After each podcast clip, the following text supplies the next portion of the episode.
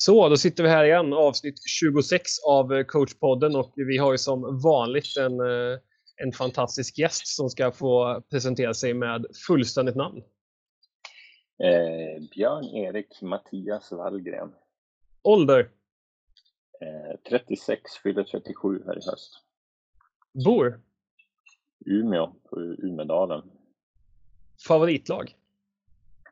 Eh, innebandy så Eh, är det väl IBK-dalen. Eh, sen så finns det väl en liten plats för min moderförening Ersboda och, och klubbarna Varberg och SV Wieler Erzigen som jag också representerat i hjärtat. Så att eh, det, de finns där också. Eh, favoritlag i övrigt är ju fotboll så är det ju AC Milan. Eh, som har varit lite vilande i ett decennium här, men vi är på väg nu tillbaks. Eh, och ishockey, Washington Capitals.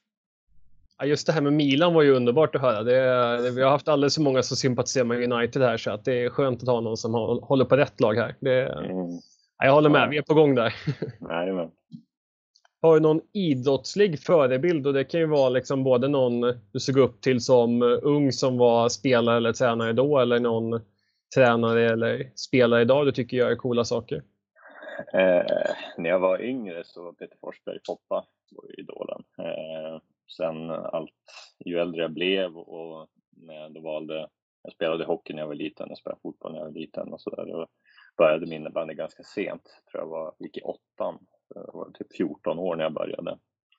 Eh, men när jag till slut valde innebandyn så så började jag titta lite mer på Niklas Lidström. Eh, jag tyckte han var, spelade väldigt, väldigt smart eh, och försökte, försökte lära mig en hel del från att titta på honom. Eh, när jag var yngre så fanns ju inte internet på samma sätt som nu så det var inte lika enkelt att få tag i, i videomaterial på, på eh, matcher och idrottare. Så det, det, det, kom lite senare men, men Niklas Lidström är nog en av dem som jag har tagit mest delar av till innebandyn eh, om man ska se som idoler. Eh, framförallt hur han använder avståndet och eh, till motståndaren för att vinna mark eller eh, hur han använder klubban för att skära spelare mot sargen eller ja, för att på så sätt lura, lura sin motståndare att, att öppna upp sig för att kunna ta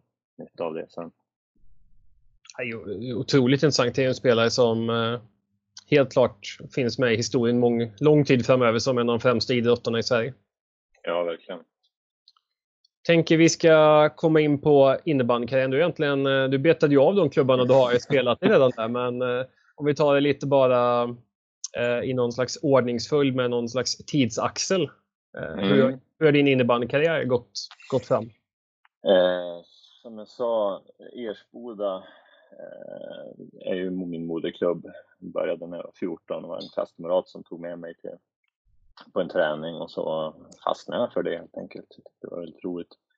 Eh, spelade i två, tre år, tre år. Jag var 17 när jag gick till Dalen. Ehm, eh, spelade i Dalen i sex år tror jag det blev. Och sen så kände jag att jag ville testa något nytt, se något annat än Umeå.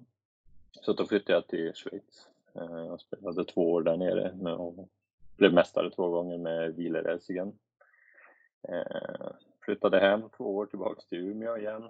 Spelade två år till i Dalen och gick till SM-final eh, andra året.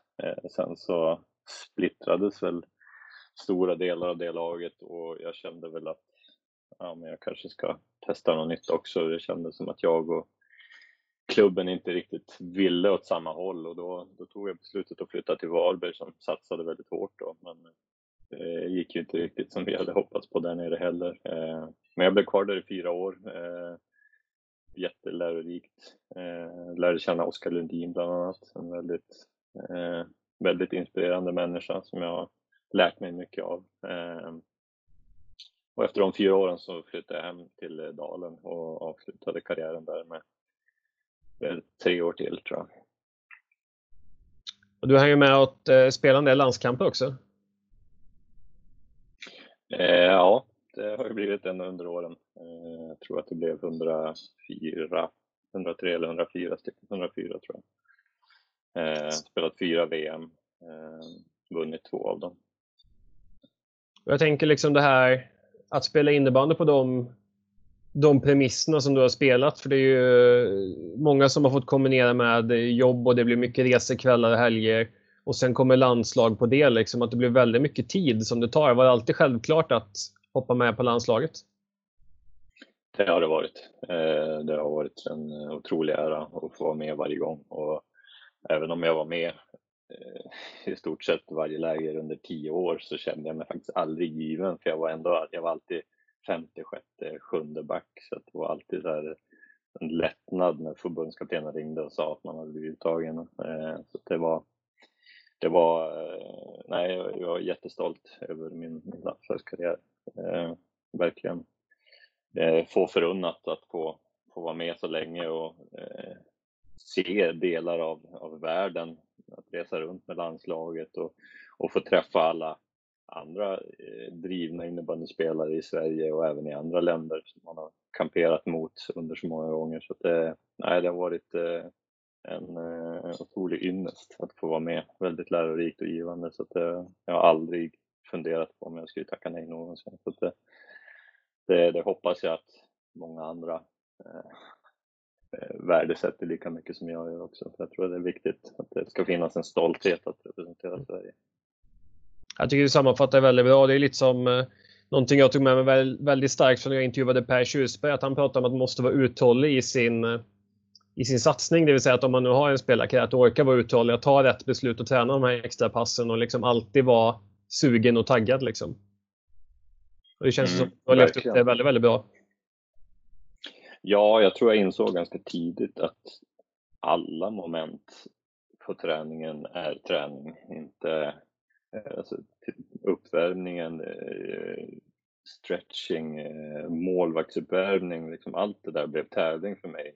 Antingen tävla mot andra eller tävla mot mig själv bara för att liksom hela tiden kunna pusha sig själv och vara laddad på var, i varje moment. Och på så vis skapar man sig ett, ett försprång mot de andra som kanske inte är lika eh, ambitiösa eller laddade. Och det finns faktiskt inga andra sätt att bli bättre än att träna mer än andra, alla andra. Så det, det, var, jag har ju aldrig varit en, en briljant tekniker eller någon som skjuter eller passar bra utan jag har varit allround hyfsat på allt i stort sett och, och levt mycket på min fysik och mitt spelsinne. Så att, eh, jag har fått hitta, hitta min edge i, på andra sätt och det var, det var väl ett av dem att jag la ner mer tid än vad andra gjorde från ganska tidig ålder. Du får välja ut någon favoritmatch genom alla år. Finns det någon, någon match som sticker ut lite extra? Uh, ja, det gör det väl. Uh, det finns några. Jag spelat ganska många roliga matcher. Eh, men om jag ska välja någon så tror jag nog att matchen, sista avgörande semifinalen, eller inte avgörande, men av, den matchen som vi gick till, som gjorde att vi gick till SM-final med Dalen hemma mot Pixbo. Eh, det är nog en av de mest känslosamma matcherna som jag har spelat. Fullsatt i Umeå Energi Arena och det var liksom klubbens största framgång hittills. Eh, det var häftigt. Med, vi var ändå ganska nedskrivna från början. Det gick ganska knackigt och vi sakta men säkert så började vi växa som lag och liksom bitarna föll på plats. Och, eh, nej, det, var, det var en häftig resa och det vart som kronan på verket där. Jag skulle vilja säga SM-finalen när vi torskade den så att det är inte, inte lika positiva minnen där men eh, nej, Eh, Eh, att, att, under så lång tid få jobba mot ett mål tillsammans med en grupp, eh, det gör liksom att slutresultatet blir, det är klart att det är viktigt, men liksom det är ändå det, det låter klyschigt, men det är ju faktiskt resan som räknas. Alltså jag, jag har inte vunnit SM-guld, men att gå till SM-final med Dalen rankar jag nästan högre än de två VM-gulden jag tagit, för att det är ändå, där är man tillsammans så kort tid och det, det är ganska, Sverige ska gå till VM-final. Liksom det är, allt annat är skandal. Vinner man VM-guld, ja det, det var som förväntat. Men, men eh, att göra det med Dalen då, det var, det var speciellt. Jag har ju frågat många tränare som har coachat stora matcher, men jag tänker, just det här, kan man njuta av en sån match? Hur är det att spela en sån match? Hinner man njuta någonting av att det är mycket publik på läktaren och att man spelar bra liksom, och känslan att vi kan lösa det här? Ah, jag tror att det är sånt man gör efteråt, eh, i alla fall för mig. Så fort, det är klart att man är, man är lite nervös innan, eh, vilket är bra. Eh, och sen är det frågan, är, är man nervös eller är man uppspelt? Liksom det, det, känns som att symptomen är samma oavsett.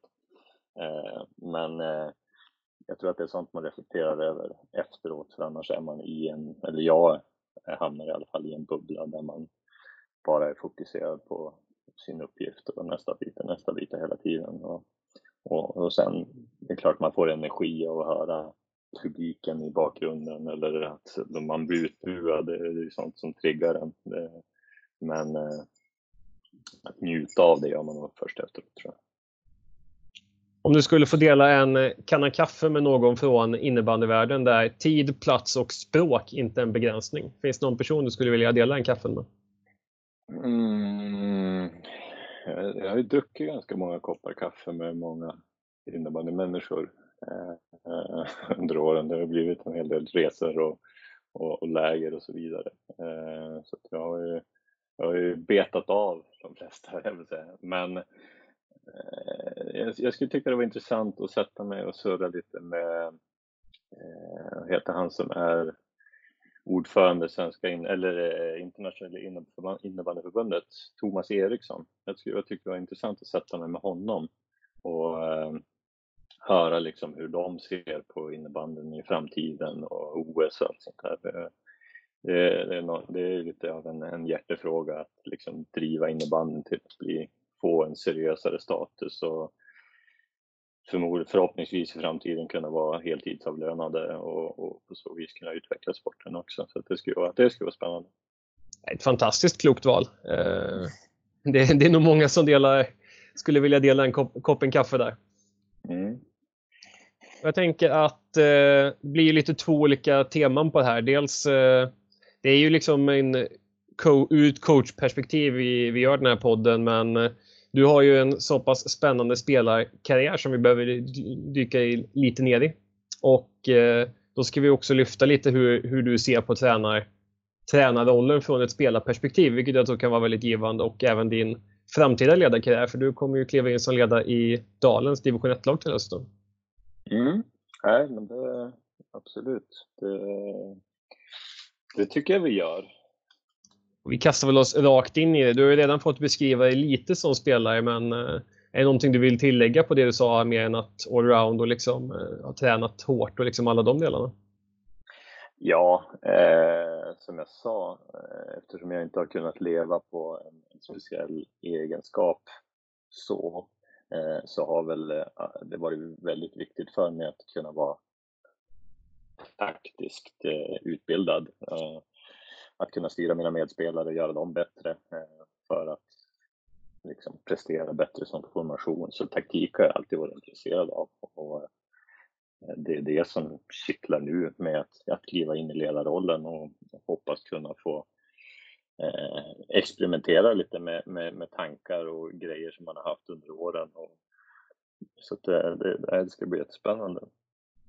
jag är ju jättenyfiken på det här som man pratar om närkampsspel. För det är väldigt många som har hört av sig med frågor just om vad innebär närkamp och liksom att man får uppdrag från en tränare. Nu ska jag gå in och ta bort den här spelaren och sådana saker. Jag skulle vilja bena ut lite de här begreppen. Vad är, vad är närkamp för dig? Eh, närkamp, närkamp ska man säga att, man, att eh, det nästan är kroppskontakt.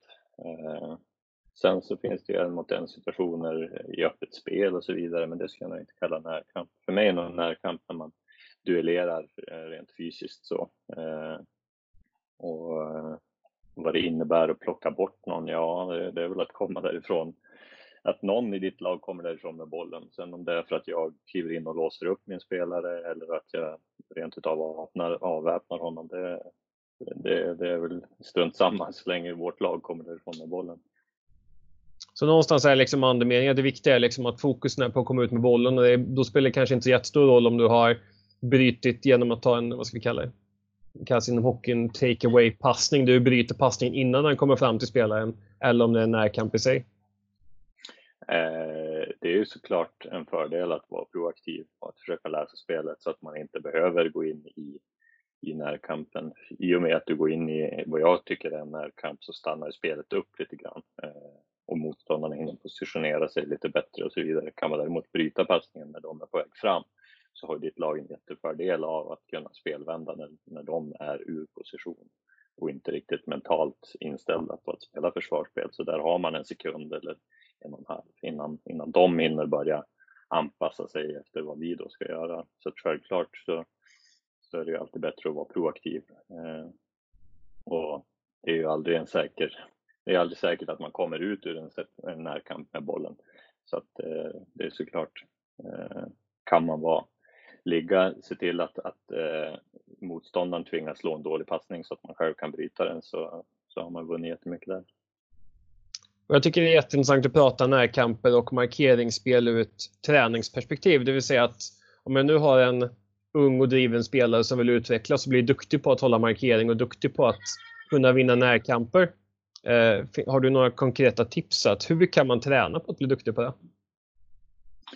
Eh, ja, eh, dels alltså man måste ju sätta sig i situationer som man kan hamna i på match. Eh, jag vet att vi hade en bra, bra situation, eller en bra övning som Oskar Lundin faktiskt visade mig som han hade tagit från ett NHL-lag tror jag, där man vänder målburen ut emot sarghörnet och så sen begränsar man ytan och så blir det, man kastar ut en boll och så har man en målvakt och så är det en mot en och det blir ju i stort sett en enda lång närkamp bara eh, om att kriga om bollen och försöka göra mål därifrån. Eh, men, men för att vinna närkamper så krävs det dels att du har bra timing i, i hur du kliver in i situationen och att du tänker på att du ska ha en låg tyngdpunkt för att inte eh, förlora en, en tackling till exempel. Att man tänker på eh, att använda sargen till sin egen fördel som en annan försvarsspelare. Eh, men också att eh, ha en plan. Vad ska jag göra av bollen när jag kliver in? Om jag vinner bollen, vad ska jag göra av den då för att komma därifrån så man inte blir kvar där? Eh, så jag tror att det eh, är jätteviktigt att, att man mentalt har målat upp eh, ja, en situation i huvudet av hur, hur ska jag vinna bollen och hur ska jag komma därifrån? är väldigt eh, kloka och eh, ja, det är väldigt intressant. Just den övningen du nämner är ju, känns ju eh, extremt spännande att få testa själv. Eh, om vi skulle gå vidare till lite mer markeringsspel. Det vill säga att man ska liksom kanske följa en spelare på planhalvan, spelet fortgår. Eh, hur nära eller hur långt ifrån skulle du säga att man ligger om man tänker i avstånd till en sån spelare? Det beror på lite hur nära bollen är tycker jag. Eh, jag behöver bollen på motståndarens planhalva och jag står kring eget mål så att säga, så då ställer jag mig gärna en eller två meter framför motståndaren bara för att ha, eh, göra alternativet mindre lockande för dem att spela upp bollen. På så sätt har jag begränsat motståndarens passningsmöjligheter. Eh, sen så eh, måste man känna sin motståndare lite grann också. Eh, vissa är jättekvicka, vissa är jätteduktiga på att dribbla.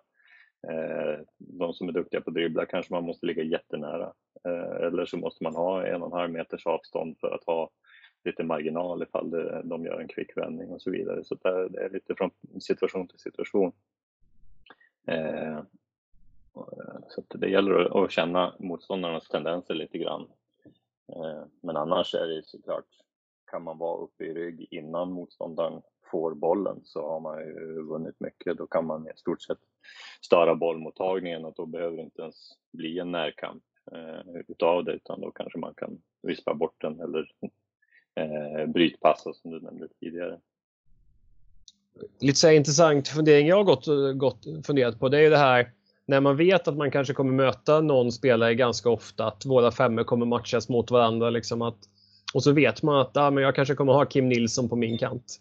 Hur känner man kring det? Liksom, är det extra kul för man vet att det är en av de bästa i världen eller känner man bara fan det här blir, blir något att bita i?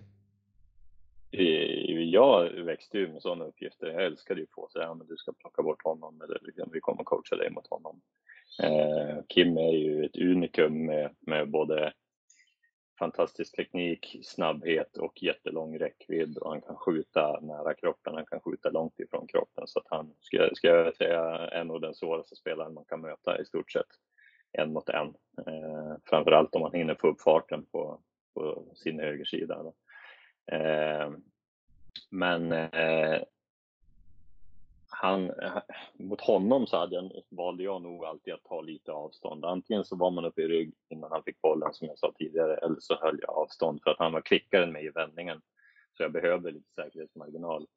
Sen så, eh, mitt, mitt lilla tjuvknep som jag använde väldigt mycket var att jag, eftersom jag också har ganska lång räckvidd, så, så höll jag ofta in klubban ganska långt mot kroppen tills för att locka motståndarna att de hade mer yta att jobba på och sen pokechecka. Eh, så alltså just pokechecken, om man ska tala hockeyspråk, var väl eh, en av mina starkaste eh, redskap i mitt försvarsspel. Så att den, det, det använde jag, försökte använda mycket mot Kim. Plocka honom att han hade yta på att springa på och så sen lägga fram klubba mot blad eller blad mot boll eller vad man nu vill kalla det. Men att se till att alltid få in min klubba eh, mot hans blad för att han ska ha så lite manöverutrymme som möjligt. Vilka delar i spelet skulle du säga är roligast? Är de delarna du får jobba med just de här defensiva grejerna och kanske vara den som ligger bakom en brytning och starta ett anfall? Eller är det liksom när ni har bollinnehav och ligger och snurrar upp runt motståndarnas mål? För mig var det ju försvarsspelet. Det var där jag hade mina absoluta styrkor. Men jag tycker att jag under åren utvecklade mitt offensiva spel också eh, och eh, tycker jag sista tre, fyra åren så tyckte jag att jag, eh, jag hittade en väldigt fin balans över när man skulle fylla på extra i anfallszon och, och våga gå med i kontringar och så vidare. Så att, eh, jag, jag fann mycket glädje i det också. Eh, och det, det vart väl någonstans efter att jag fyllde 30 så insåg jag att ja, men jag måste ju fortsätta utveckla mig själv annars kommer jag ju avvecklas eh, och bli omkörd av alla unga, snabba, pigga killar. Eh, så att, eh, då blev det offensiven som jag valde att jobba mycket med eftersom jag ändå tyckte att jag var så pass långt fram i defensiven. Eh, så det var väl det som drev mig att hålla på så pass länge som jag gjorde ändå. Vi har en match som sticker ut lite. 15 oktober 2014 och tre mål borta mot eh, Pixbo. En backhand-knackadönare. oj, oj, oj, vilken legendarisk match. ja, nej, det var... Eh, jag tror att de flesta var lika chockade som jag var den matchen, men det, då stämde det eh, ganska bra. ja, men det... det har inte kryllat av hattricks i karriären, det, kan ju, det ska jag inte sticka under stolen med. Jag tänker, eh, var det stor skillnad när du spelade nere i Schweiz med spelet där? Eller var det liksom, eh, hur, hur funkade det för dig där? Eh, jo, men det passade mig lite bättre. Alltså, I Sverige är det lite mer statiskt, lite mer possession-tänk. Eh, eh, Medan där nere så böljar det lite mer upp och ner och det gjorde att jag kunde följa med i i spelvändningar och vi spelade ett, ett man-man inriktat spel också som gjorde att man ibland hamnade väldigt högt upp i banan när vi väl vann bollen. Eh, så jag fick ju chans att utveckla min offensiv där nere också. Eh, från att i dalen, mina första sex år, var jag väldigt då var jag i stort sett ett bollplank till min, min backpartner som skulle sköta allting och, och när jag flyttade dit ner så, så fick jag ju som svensk landslagsspelare så, så fick man ju en respekt och eh, gratis bara av ryktet eh, av att man var svensk. Så att, eh, jag, jag, jag var ju till och med satt i powerplay i början bara för att jag var bara för att jag var svensk. Men det insåg de ganska snabbt att nej, det kanske inte. Det kanske finns bättre spelare på den positionen. Ja, det är, jag tänker så här. Under din spelarkarriär, du har ju haft mängder med olika tränare, men om man skulle försöka ha någon sån här generell, vad är spelarnas förväntning på tränaren? Eh, ja, men det här, ja, men att det är uppstyrt när man kommer till träningen. Eh, att det ska finnas ett syfte med träningen, att det är organiserat och, och liksom att, det, det, att träningen är eh, ändamålsenlig för vad, vilken uppgift vi har i framöver.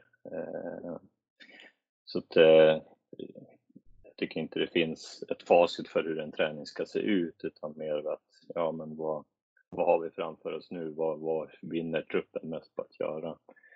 Eh, och det tycker jag väl är upp till tränarna att bestämma. Det ska väl inte spelare behöva tänka på, utan där, där ska tränaren ha en, en långsiktig plan och en kortsiktig plan.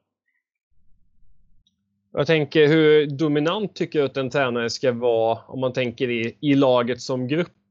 Både liksom att, ska det vara tränare som alltid är en som står och uppbådar energi och eldar på eller tycker du att tränare kan ha en lite mer tillbakadragen roll och att spelare kan ta större ansvar för de delarna att se till att alla är påkopplade?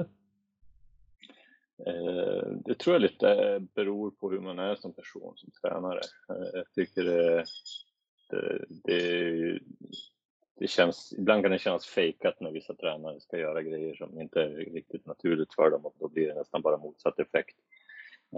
Så, att det, och, så att det beror lite grann på hur man är som person. Jag har ju varit väldigt eh, högljudd som spelare, snackat mycket, eldat på och ställt högre krav på min omgivning och jag kommer vara sån som tränare också. Så jag hoppas att det eh, kommer att tas emot på ett bra sätt.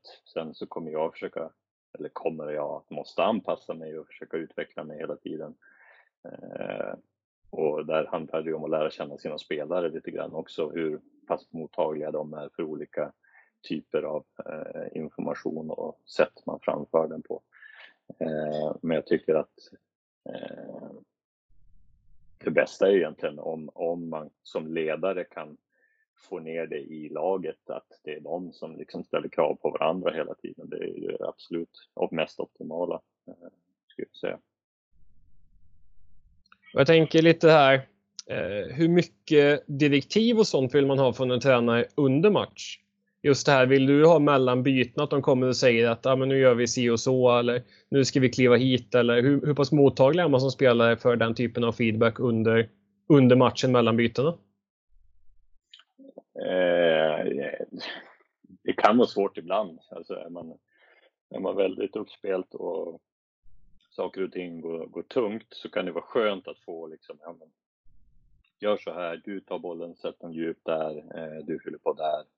Eller kanske äg bara bollen i ett byte, liksom, dra ner på tempot och så vidare. Det kan vara skönt att få när det liksom, adrenalinet pumpar och eh, många som står och, och käbblar med varandra om var, var, varför det fel. Då kan det vara skönt, men, men jag tycker också att eh, eh, har, har man som ledare förberett laget på mer, mer än ett scenario så tycker jag inte egentligen att det ska behövas. Då kanske det räcker med en liten kommentar att ja, men, eh, nu, nu, nu gör vi det vi hade kommit överens om. Då kanske det räcker med att man säger så. Att, liksom att bara landa lite grann, ta några djupa andetag och så köra vidare. Det. Sen så i min roll i år där jag ska kanske mer eh, utveckla spelare så kommer jag ju försöka vara lite mer hands-on och komma med tips och, och tankar och, och, försöka utbilda under matchens gång också. Eh, så att, eh, för mig kommer det att vara mer detalj, in och peta i detaljer än vad, vad det kanske är för en SSL-tränare. Jag tänker här, du pratade lite om hur, att förbereda inför också, att hur mycket kan man ta in som spelare? Kan det, har du upplevt någon gång att det blev liksom too much? Att nu fick vi så jäkla mycket information så att man kan liksom inte ta in allting? Ja, mängden information tror jag inte är... Jag tror, att, jag tror att vill man vinna så tror jag att det är jätteviktigt att man, att man är noggrann med detaljer och så vidare. Eh, jag tror att det är omöjligt att vinna om man inte om inte alla har en förståelse för, för vad som krävs och liksom för att kunna jobba ihop. Sen så kanske man måste vara lite uppmärksam som tränare på hur mycket information kan jag ge vid samma tillfälle? Måste jag dela upp det vid olika tillfällen? Eh, hur svarar de på att man visar mycket film? Hur svarar de på att man står och ritar på en tavla och så vidare? Eh, och där märker, har jag ju märkt i alla fall eh, under alla mina år att drar iväg över tio minuter, då är det många som blir såsiga, framförallt om man sitter i ett omklädningsrum där det är lite dålig luft och så vidare. Man är, man är trött, man kommer från jobbet, eh, de flesta av oss, och så sätter man sig ner och helt plötsligt så går pulsen ner och så, sen så blir man lite sömnig och, man kan komma därifrån utan att i stort sett komma ihåg någonting. Eh, så där, jag tror att det är viktigt att eh, kommer lite info innan träningen, se till att man kommer igång, får upp pulsen, då blir man lite mer mottaglig. Hjärnan vaknar till liv igen och så sen så kanske dela ut eh, information allt under träningens gång istället. Eh, för det tror jag är, är mer mottagligt. Sen är det såklart svårt med videoklipp under träningen, men, men eh, då kanske man ska ha skickat ut det innan så att man kan kolla på det under dagen. Nu när man alla har smartphones och så vidare så kan det vara ett bra sätt att nå ut med informationen. Jag tänker, det kommer ju ofrånkomligt den frågan också att eh, om man har en trend det går ganska dåligt för laget och man känner liksom att vi kanske inte riktigt är där och prestera på den nivån vi vill prestera på. Hur mycket skillnad kan det göra att byta en tränare? jag har generellt sett alltid tyckt att det har varit en ganska feg lösning om man får säga det. Eh, det känns som att det är lätt att, att hitta en syndabock och på något sätt ta ifrån spelarna ansvaret. Men, men eh, någonstans har ju ändå styrelsen valt den här tränaren av en anledning för att man har trott på honom och så vidare. Eh, så att det, ja, det, är klart att det kan få en kort, kortsiktig effekt, men men det är svårt också för den nya tränaren att liksom hinna bygga upp någonting utan en ordentlig försäsong och så vidare. Så det, det känns som att man, det, det är lite, lite från fall till fall såklart. Men, men jag tycker att det är jag tycker att det är lite av en, en enkel väg ut eh, för föreningen och för spelarna. Eh, där, jag tror att det, ansvaret ligger minst lika mycket på spelarna och jag tror att, det, att är man en seriös förening så tror jag att man försöker prata med spelarna istället. Eh, och, och eh, att man har en öppen dialog sinsemellan, både mellan, alltså med spelarna och med tränarna ihop. Eh, så att man, man liksom vädrar ut vad det är som spelarna inte tycker funkar och tränarna säger var, varför får inte jag ut tillräckligt mycket av er? Så att, eh, jag tror att det, jag tror att det är det bästa vägen att gå. Nej, och det är spännande som attan, för det är också en sån del. Vi som tränare kan som står på den sidan kan ju ofta tycka liksom att det känns eh, tufft att när en ledare får, får kliva av, liksom, att man tycker att det känns som att det är fler som borde få, få liksom någon, dela upp ansvaret på något sätt. Mm. Jo, och eh, det är väl en klyscha, men det är ju lättare att sparka en tränare än 20 spelare, så, så är det väl. Men eh, ja, det är klart att det, jag tycker också, sen är man ju inte insatt i alla tränare eh, hur det ser ut för dem eller varför de blir sparkade och så vidare. Men eh, jag tycker det känns som en, en liten enkel kortsiktig väg ut ur det hela. Och jag tänker vi ska komma in, för du pratar lite om det här med en träning och vad innehåll och liksom att det viktigaste är att det finns ett ändamålsenligt syfte. Liksom. Men Finns det några andra moment som du känner att de här var extra viktiga för just dig på en träning? Att eh, det är viktigt med hörnen för då får du skjuta dina skott eller att det var viktigt med någon annan del? Eh, nej, egentligen inte någon specifik övning så. Jag tänker mer bara att eh, det, det jag upplevde eh, framförallt under de sista åren, det var väl i alla fall att innan man ska dra igång med spelet Eh, så tror jag det är jätteviktigt att komma upp med, i puls ordentligt på de sista två övningarna kanske, sista övningen. För att väcka skallarna, för annars är det mycket stå och vänta i kö och liksom man är kanske inte fullt påslagen och då försvinner väldigt mycket av, av eh, kvaliteten i spelet också sen när man väl börjar spela. Så det är väl en grej som jag kommer att trycka hårt på eh, nu när jag ska kliva in och träna. Att liksom, viktigt att få upp pulsen ordentligt innan så alltså att man är påslagen. Då får man bäst effekt av spelet. Eh, men sen också att man eh, hela tiden lägger på lite svårare moment på övningar. Att man kanske inte bara kör hörning varje gång utan att ja, men lägg till eh, med en väggpassning eller någonting som gör att det blir svårare. För att gör man bara samma sak hela tiden så kommer du aldrig bli bättre på det. Antingen att måste du öka hastigheten du gör det i eller så måste du lägga till något annat svårare moment som gör att du utvecklas. Eh, för annars blir det väldigt slentrianmässigt tycker jag. Eh, och samma sak med löpuppvärmningar, att man inte kör samma sak hela tiden för att då blir det också väldigt till slut gör man det bara på, på eh, rutin och då, då finns det ingen utveckling i det heller. Eh, och som jag sa, i början att för mig var ju liksom varje moment var ju en tävling och det, det var även uppvärmningen. Jag, jag såg till, det är lite tantigt, men jag såg till att alltid försöka springa längst ut emot sargen för att då skulle jag springa lite längre än alla andra på, på varje varv. Eh, och på så vis blev jag bättre uppvärmd, jag var mer förberedd, jag fick bättre konditionsträning. Eh, så att säga. Eller jag, jag, jag, tränade mer i alla fall tyckte jag. Sen kanske inte var så egentligen. Men för mig blev det liksom en trigger. Att jag ska, yes, jag ser att han, eh, han slarvar lite grann. Då. Nu får jag ett för, försprång mot honom. Så det, det, jag hittade saker att tävla eh, mot mig själv i, i hela tiden. På så vis drev jag min egen utveckling. Eh, så att jag kommer försöka hitta mycket tävlingsmoment. Eh, det tycker jag är bra. Eh, Övningar där, där spelare tävlar mot varandra eller mot, ja, antingen en, en och en eller som lag. Eh, för då lurar man spelarna att ta i lite hårdare också. kan bli en hel del hårda straff också om man torskar, vi får se. Det kan vara bra drivmedel. Definitivt, ja, men det är underbart när man tävlar tar ner sargen eller sådana saker. Mm, precis. Jag tänker, hur kände du kring det här med matchspel på träning? Dels kan man ju alltid fundera på liksom, om det inte blir matchspel, blir alla sura då liksom, för att man inte får spela? Eller var det liksom viktigt att det var mycket spel på träningarna?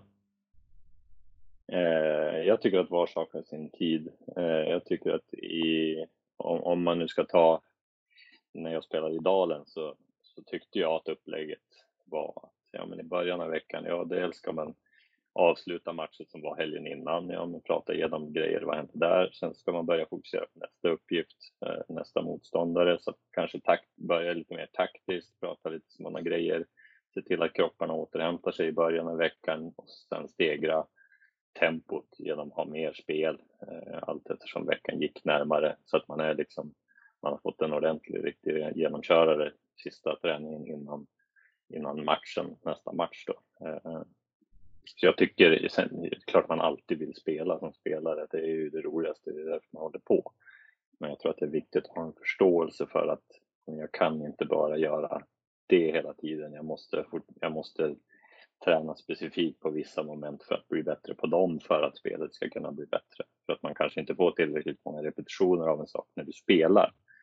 Så kanske du måste nöta en viss situation. Så det, eh, jag tror att det är viktigt att få spelarna att förstå att ja, men det här är nyttigt för mig också.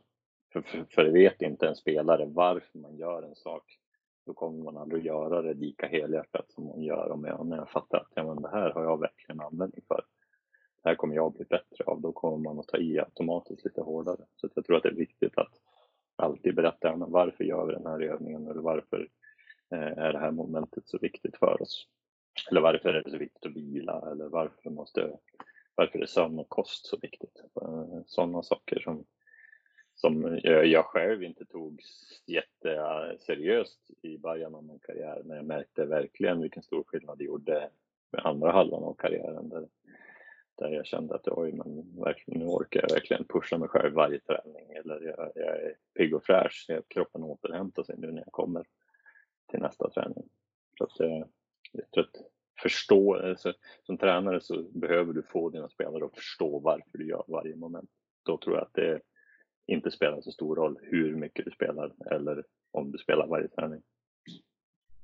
Jag bara för att dra en liten Milan-parallell. Det var väl, jag minns inte om han hette Sasha, han tränaren som byggde upp eh, legendariska Milans 80-talistlag där. Men de var ju, hade ju extremt mycket skuggträning, det vill säga att de tränade på att ställa offsiden med fyrbackslinjen.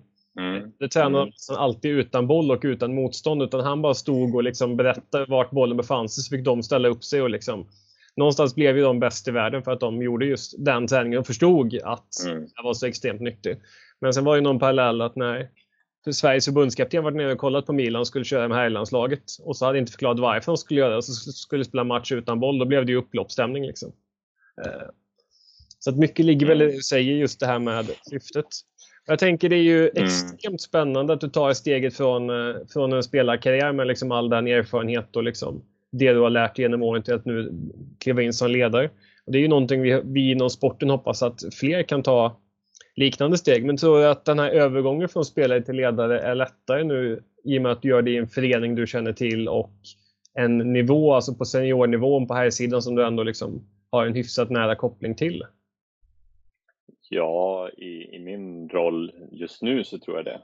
Eh, just för att vi ska försöka slussa upp så mycket spelare till herrlaget som möjligt. Så eftersom jag känner Jonathan Brolin och Urban Karlsson så himla väl efter alla våra år tillsammans så tror jag att vårt samarbete kommer att underlätta för mig jättemycket. Och även Tommy Larsson som jag ska träna med har jag känt i många år. För han har varit inblandad i herrlaget och så vidare. Så jag tror att det, det samarbetet kommer att funka klockrent. Eh, och, eh, sen så tror jag också att det är jätteviktigt att man har en förståelse för hur en förening fungerar och hur föreningen mår och vilka krav kan jag ställa på föreningen, vilka krav ställer föreningen på mig och så vidare. Så att det, jag tror att jag har mycket gratis av att jag har spelat så pass många år i Dalen, eh, absolut. Eh, och jag tror också att min spelarkarriär, att jag kunnat ha så många bra tränare under åren som jag har kunnat suga åt mig information ifrån gör att jag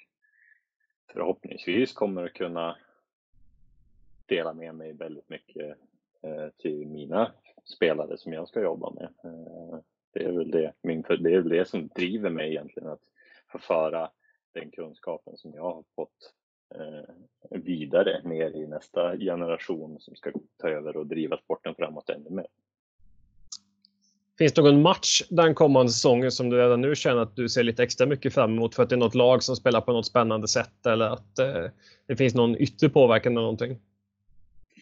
Eh, ja, nej, inte någon specifik match. Det, det kommer att vara ganska många speciella matcher eftersom vi nu i den här division 1, division 1 norra, tror jag vi är fem Umeå-lag. Eh, så att eh, det, kommer att bli mycket derbyn och i, i, alla de här lagen spelar det i stort sett spelare som jag har spelat med personligen så det, eh, det, kommer att vara lite prestige. Sen så tror jag att vi kommer att vara ganska nedskrivna för att vi just är ett så pass ungt lag men jag tror att vi kommer att överraska väldigt många. Eh, hoppas jag i alla fall eh, på ett positivt sätt. Eh, så att, jag, jag är otroligt laddad på, på att få komma igång och börja börja rita och visa och, och, och förespråka eh, inför mitt lag. Det, det ska bli jättekul. Har du redan nu tänkt ut vilken plats i båset du kommer befinna dig på? Om det är längst upp eller bakom eller neråt backarna där du känner dig kanske lite tryggare? Eller liksom, har du någon sån tanke? Nej, där, det är nog där jag känner mig mest osäker på hela tränarbiten faktiskt. Liksom, hur ska jag förhålla mig till spelarna i båset och eh, det här med att nu kommer jag få mycket hjälp av min kollega Tommy eh, med att strukturera upp träningar och hela den biten. Så det, det är just hitta mig själv i, i, eh, på tränarbänken liksom under match. Det är väl där jag inte riktigt eh, känner mig trygg än, men, men eh, förhoppningsvis kommer det ganska naturligt när vi väl drar igång. Men, men eh, jag, jag tänker att jag kommer att stå och krama min, min eh, lilla coachtavla och någonstans ganska högt upp så man kan eh, ha lite koll på motståndarna och ha nära till att surra med domarna. Det kommer nog passa mig bra. Ja, men det är spännande. Det ska bli ruskigt kul att få, få följa din ledarkarriär framöver också. Mm, jag är sjukt laddad. Och vi har ju två sekvenser kvar. Det är ju dels eh, de fem snabba frågorna som du ska få svara spontant och impulsivt på. Mm. Känner du dig beredd på dem? Absolut. Då kör vi helt enkelt. Träning eller match? Träning. Powerplay eller boxplay? Boxplay. Klubblag eller landslag? Oh, svår. Eh, klubblag. Jag säger klubblag för att det är roligare att vinna någonting med klubblag. Offensiv eller defensiv? Defensiv. Eh, nu får vi tänka som tränare då. Vad är viktigast? Kaffet innan match eller tuggummit under matchen? Eh, jag säger kaffet innan. Jag får så ont i käken tuggummi. Det finns ju en, eh, fanns ju någon Youtube-video där med en person som visar hur tränare ska tugga tuggummi innan. Man har ju olika sekvenser beroende på vilken intensitet det är i matchen, att hur snabbt du ska tugga och så vidare. ja, jo, det är väl en hel vetenskap det där kan jag tänka mig. Eh, jag tänkte just boxplay. Du nämnde ju att du fick spela lite powerplay nere i Schweiz där, men eh, var boxplay en spelform du som spelare liksom tyckte var kul också? Verkligen. Jag älskade boxplay. Det var liksom, nu, nu är alla odds mot en. Man har allt att vinna. Liksom. Det var Eh, eh, ja, jag vet inte hur jag ska uttrycka mig, men det, det blev liksom en hjärtefråga för mig. Liksom, boxplay. Jag fick tidigt stort ansvar för att liksom, styra upp hur vill vi göra och så vidare. Och jag, i, många gånger har jag fått spela hur länge jag vill i boxplay, spela så länge du orkar och det, jag älskar liksom sådana uppgifter att, och det förtroendet som, som tränarna gav mig. Så att eh, verkligen eh, passionerat. Jag, det, är klart att man aldrig vill spela med en man mindre, men för mig var det inget problem. För jag älskade att liksom step up to the occasion. Så det var, nej, det var eh, ingen, inget svårt val, även om jag fick spela lite, lite powerplay både i Varberg och i Dalen i slutet också. Men då stod jag ofta i slottet och skulle brunka framför mål. Så det var, jag var inte så inblandad i, i det spelet. Det handlade mer om att dra upp ytor och peta in returer. Det finns ju en eh, fantastisk sekvens i de här klubbhusets Youtube-dokumentären de gjorde Inside Varberg. De skulle, ni skulle ha träning på powerplay där, men de hade stulit powerplay för du och Jimmy Lindblom var så bra i boxplay så det blev liksom inga mål. Så det var nästan så här powerplay får dåligt självförtroende. Liksom att, uh, jag tyckte den, den, den sekvensen var helt underbar att se. Ja, där var vi. Jag och Jimmy gjorde det riktigt bra faktiskt. Utan att, säga, utan att skämmas. Det, där var vi snuskigt bra. Kanske världens bästa duo just då. Ja, nej, men det är, vi får se om det är någon som eh, gör anspråk på den titeln. Men jag är nog beredd, jag är nog beredd att hålla med där. Mm. Du ska, vi ska ta oss vidare till eh, sista sekvensen. Du ska få plocka ut din eh, drömuppställning med sex utespelare, förslagsvis en målvakt och fem utespelare.